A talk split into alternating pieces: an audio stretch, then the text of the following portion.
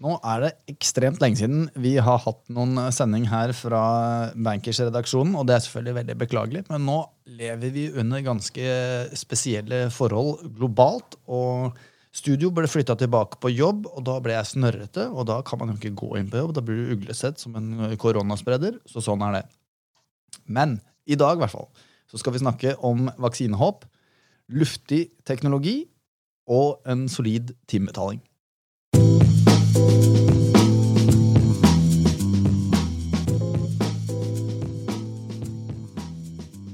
Som vanlig så har jeg med meg vår sjefstrateg Christian Lie fra sitt eh, hovedkontor på Hamar. Velkommen, Christian. Takk for det. Du, vi må ha en uh, liten update på covid-19 først. Nå er det så lenge siden vi har snakket sammen, og det later jo til at det strammer seg til litt her hjemme. Er det fordi at det nå er en reell forverring, eller er det fordi at det er en utstrakt testvirksomhet? Jeg tror uh, det er først og fremst det siste. Eh, og hvis man da legger til den tendensen eh, om at det er en stadig yngre andel av befolkningen som eh, nå får smitte, og som dermed har lavere sannsynlighet for underliggende sykdommer, og dermed også lavere sannsynlighet for å utvikle alvorlige symptomer, så ser vi det rett og slett i at sykehuskapasiteten ikke er i nærheten av å bli så sprengt som den var periodevis under eh, mars og april. Dette gjelder ikke bare Norge, men dette gjelder egentlig i eh, store deler av Europa, hvor vi har sett enkelte oppblussinger. Og vi ser det til dels også i, i, USA, hvor de egentlig ikke har blitt ferdig med første bølge, men har egentlig bare fått en, en ny giv i den andre bølgen, som de heldigvis ser ut til å få så vidt kontroll på nå. I hvert fall når det gjelder vekstraten i nye smittede og dødsfall. Men bare en liten detalj der, Kristian, for jeg bare lurte på nå som de har jekka opp testingen såpass mye her eh, hjemme. Er det sånn at hvis de tester, kan de da se en som har vært smittet av eh, covid-19, men da ikke nødvendigvis er eh, lenger dårlig, og så kommer det med på den statistikken over nye tilfeller daglig? Eller er det bare de som er faktisk aktivt syke, som kommer med på den statistikken? Ja, Det er et så godt spørsmål at jeg klarer å svare på det. Eh, det vet jeg rett og slett ikke. Nei, men det har jo egentlig ganske mye å si for, eh, for den frykten som kanskje mange føler når du plutselig ser i VG at det står 100 nye tilfeller i dag. De, de drar jo på med det her med fryktpropagandaen sin eh, hver dag. Det, det der kunne jo vært en ganske interessant detalj å vite.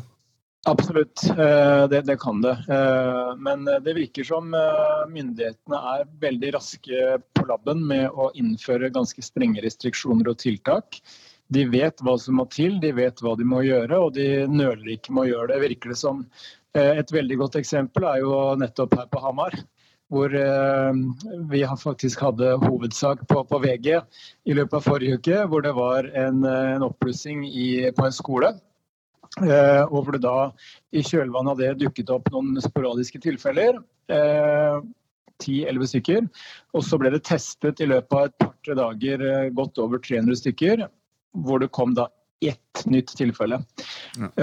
Så man ser at de de, de oppblussingene som kommer, synes å være ganske konsentrerte. Og man har så langt unngått at dette virkelig blåser opp, slik det gjorde på vårparten. Sitter du med AirPods eller et headset på deg? Ingen av delene. Jeg snakker rett inn i den dyre mikrofonen jeg har fått. Ok, Da Sett deg bare litt unna mikrofonen, eller ta ned popfilteret, så ikke vi får poppen når du snakker. Ok. det er bra. Men du skulle fortelle oss litt om vaksinehåp. Ja, eh, det, jo, det, er jo en voldsom kamp eh, blant mange aktører i, i legemiddelbransjen med å utvikle den, eh, de vaksinene som kommer til å bli fungerende og kommersielt tilgjengelige. Og det er jo åpenbart samfunnsmessige og helsemessige insentiver for å gjøre det, men åpenbart også økonomiske insentiver for de som lykkes med det.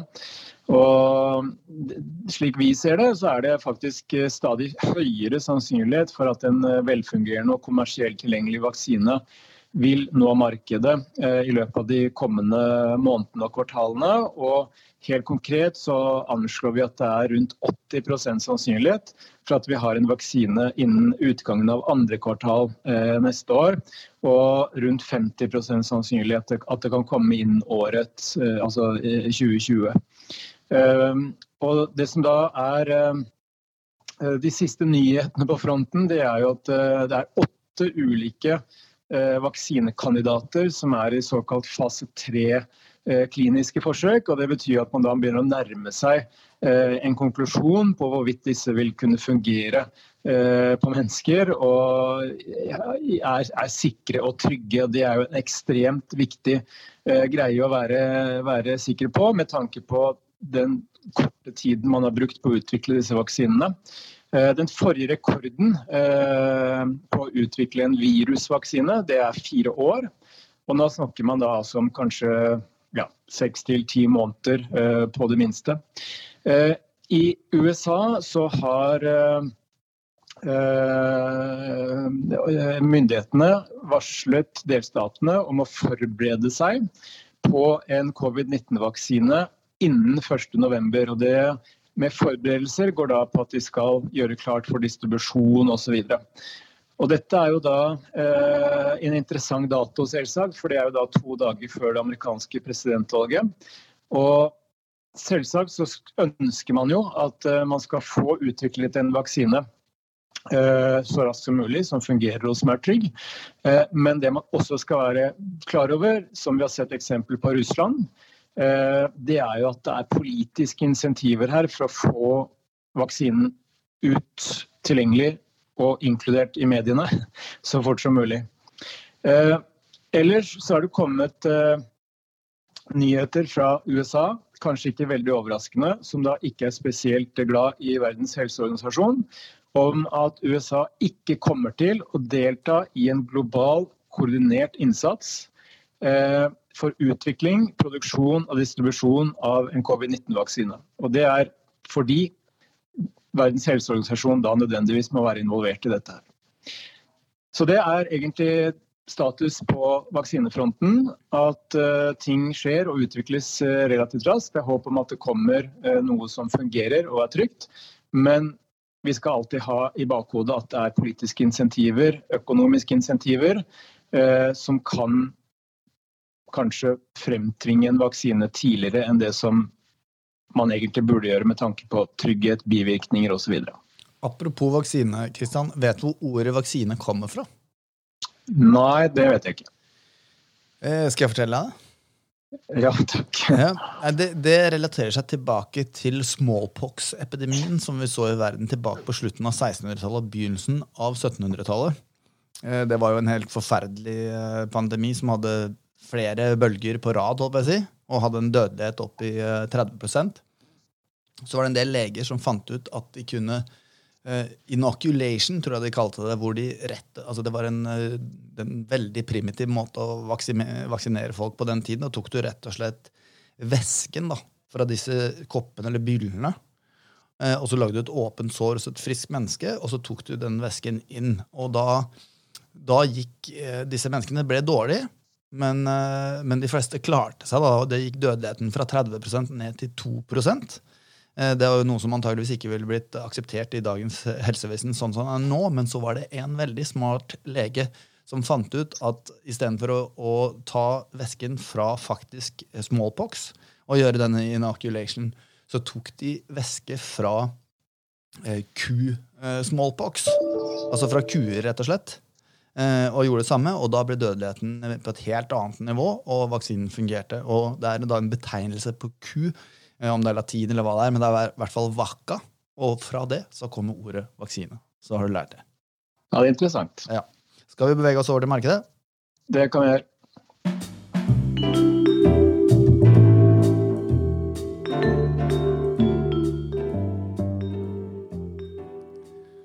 Og der har det svingt litt uh, for teknologi, kan du si.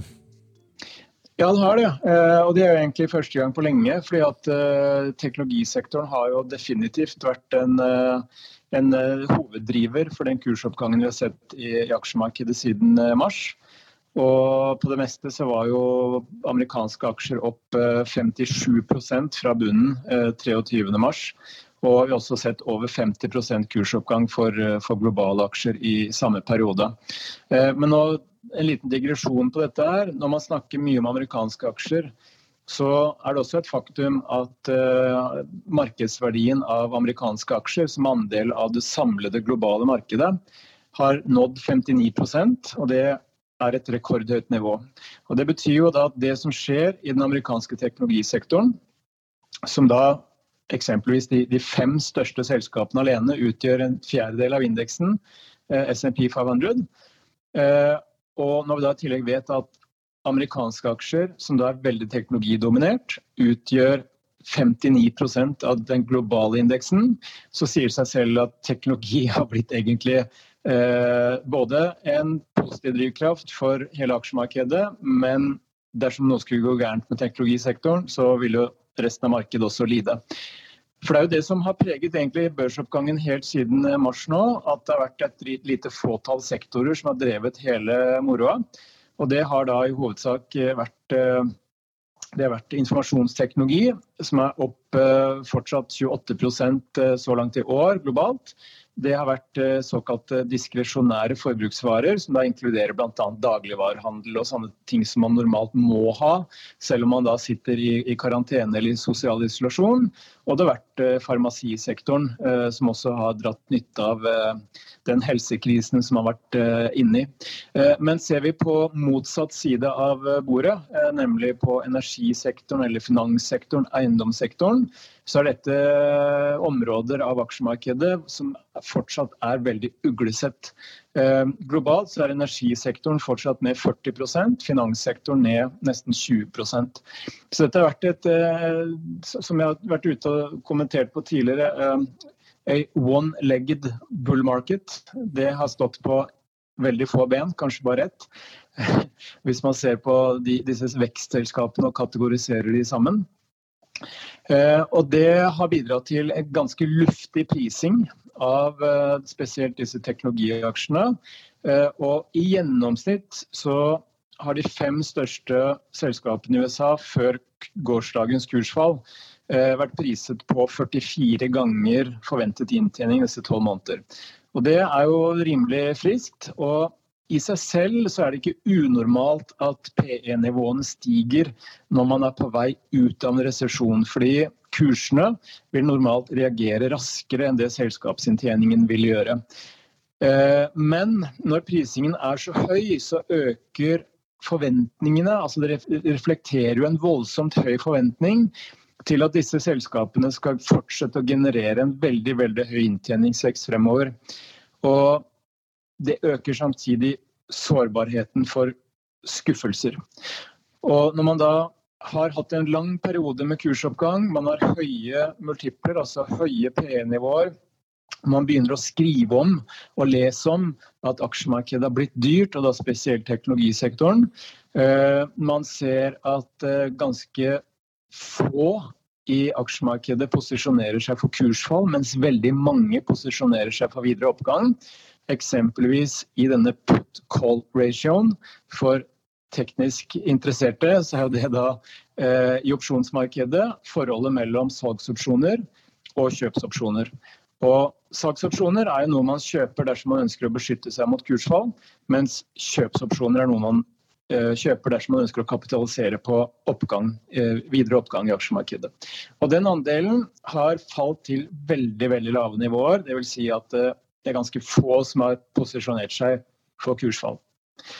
Og dette er jo noe som da øker også sårbarheten, fordi hvis kursene først begynner å falle, eh, så betyr det at eh, brorparten av investorene taper penger, mens det er færre som sitter og absorberer tap eh, eller kursfallene.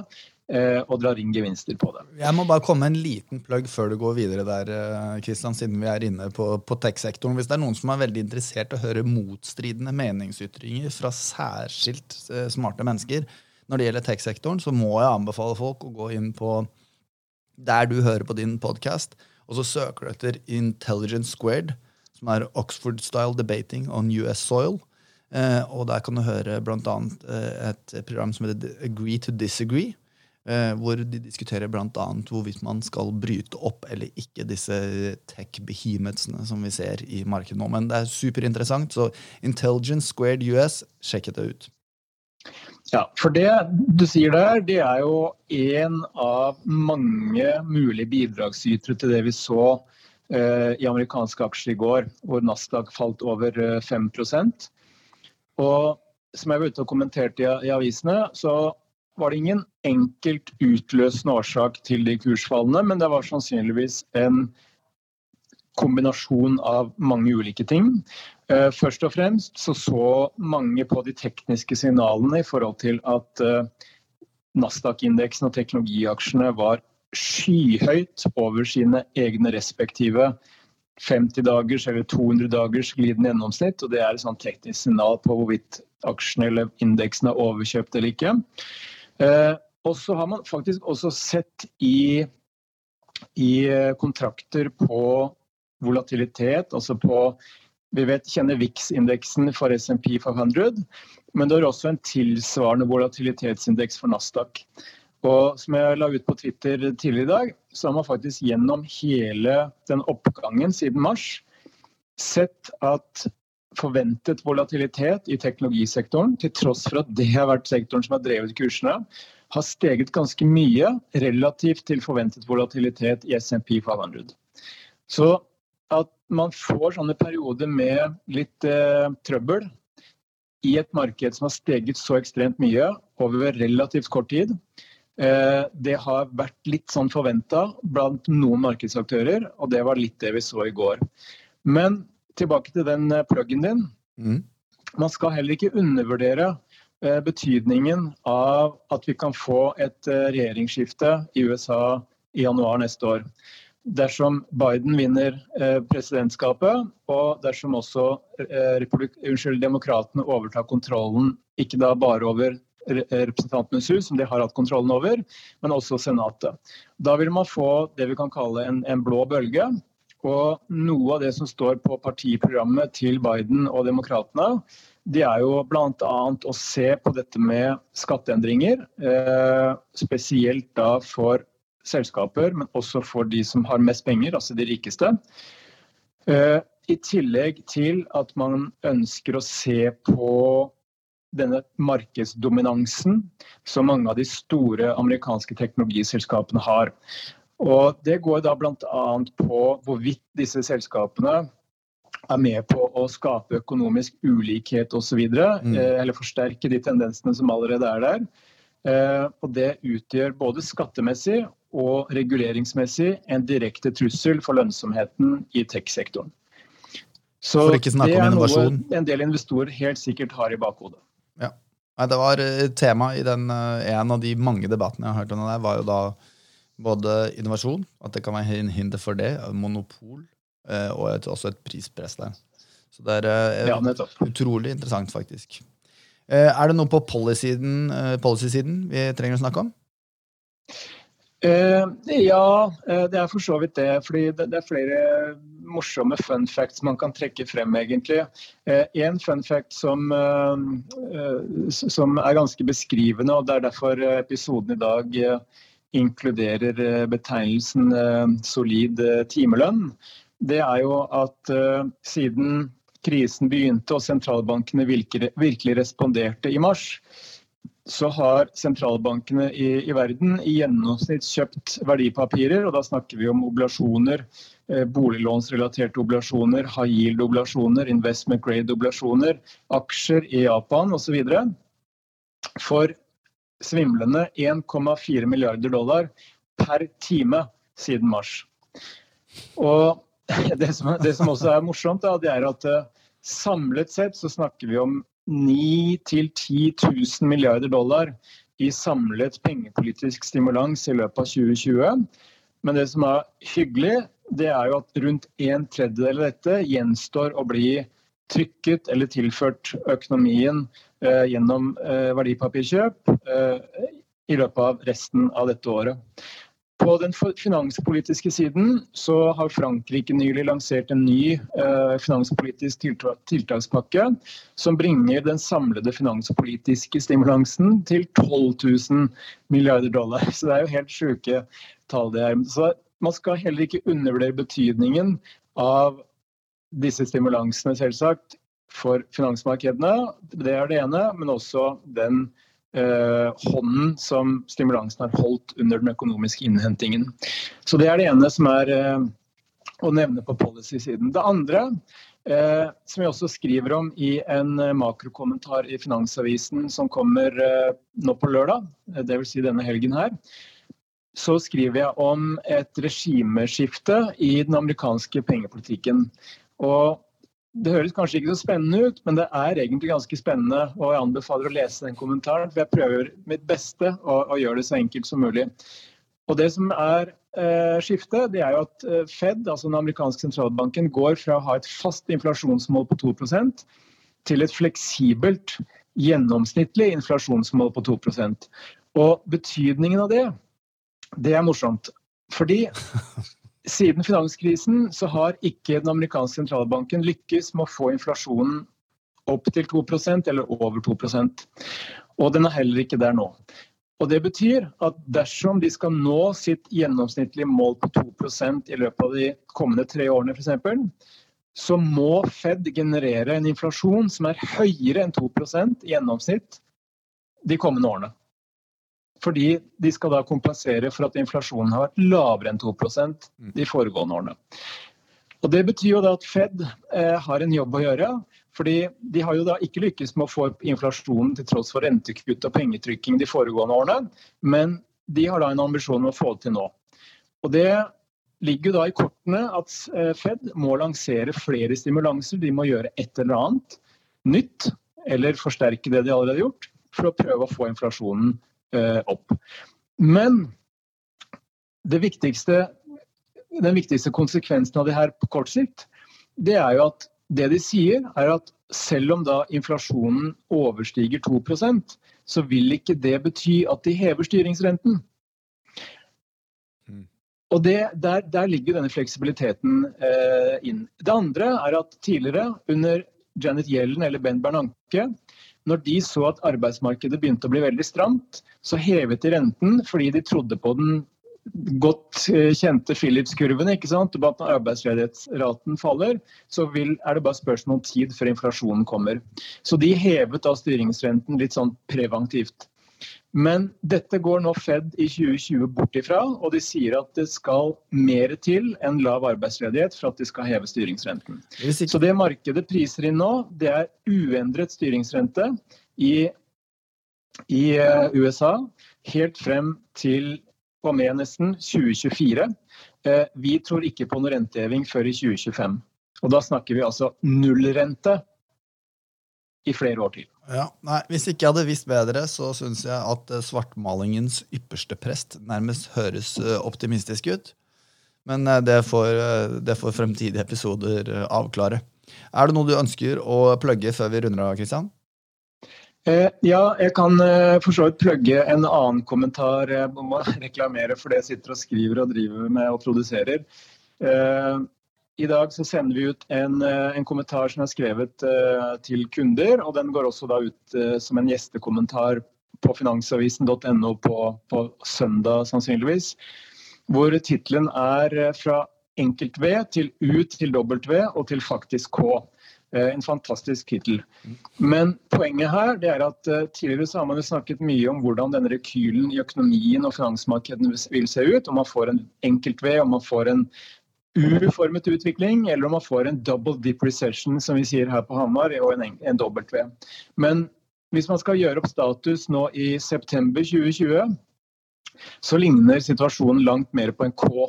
Og det eh, relaterer seg til det vi har snakket om når det gjelder aksjemarkedet, hvor det er stor forskjell mellom tech-sektoren, farmasisektoren og på den ene siden, og finanssektoren og energisektoren eksempelvis på den andre. Men man ser det også i økonomien, hvor de som eier aksjer, som utgjør en liten andel av den amerikanske befolkningen eksempelvis, eh, de 1% rikeste eier rundt 50% av aksjene som er i privatpersoners eie. Eh, så for folk flest så har ikke denne aksjekursoppgangen betydd noe som helst for egen økonomi.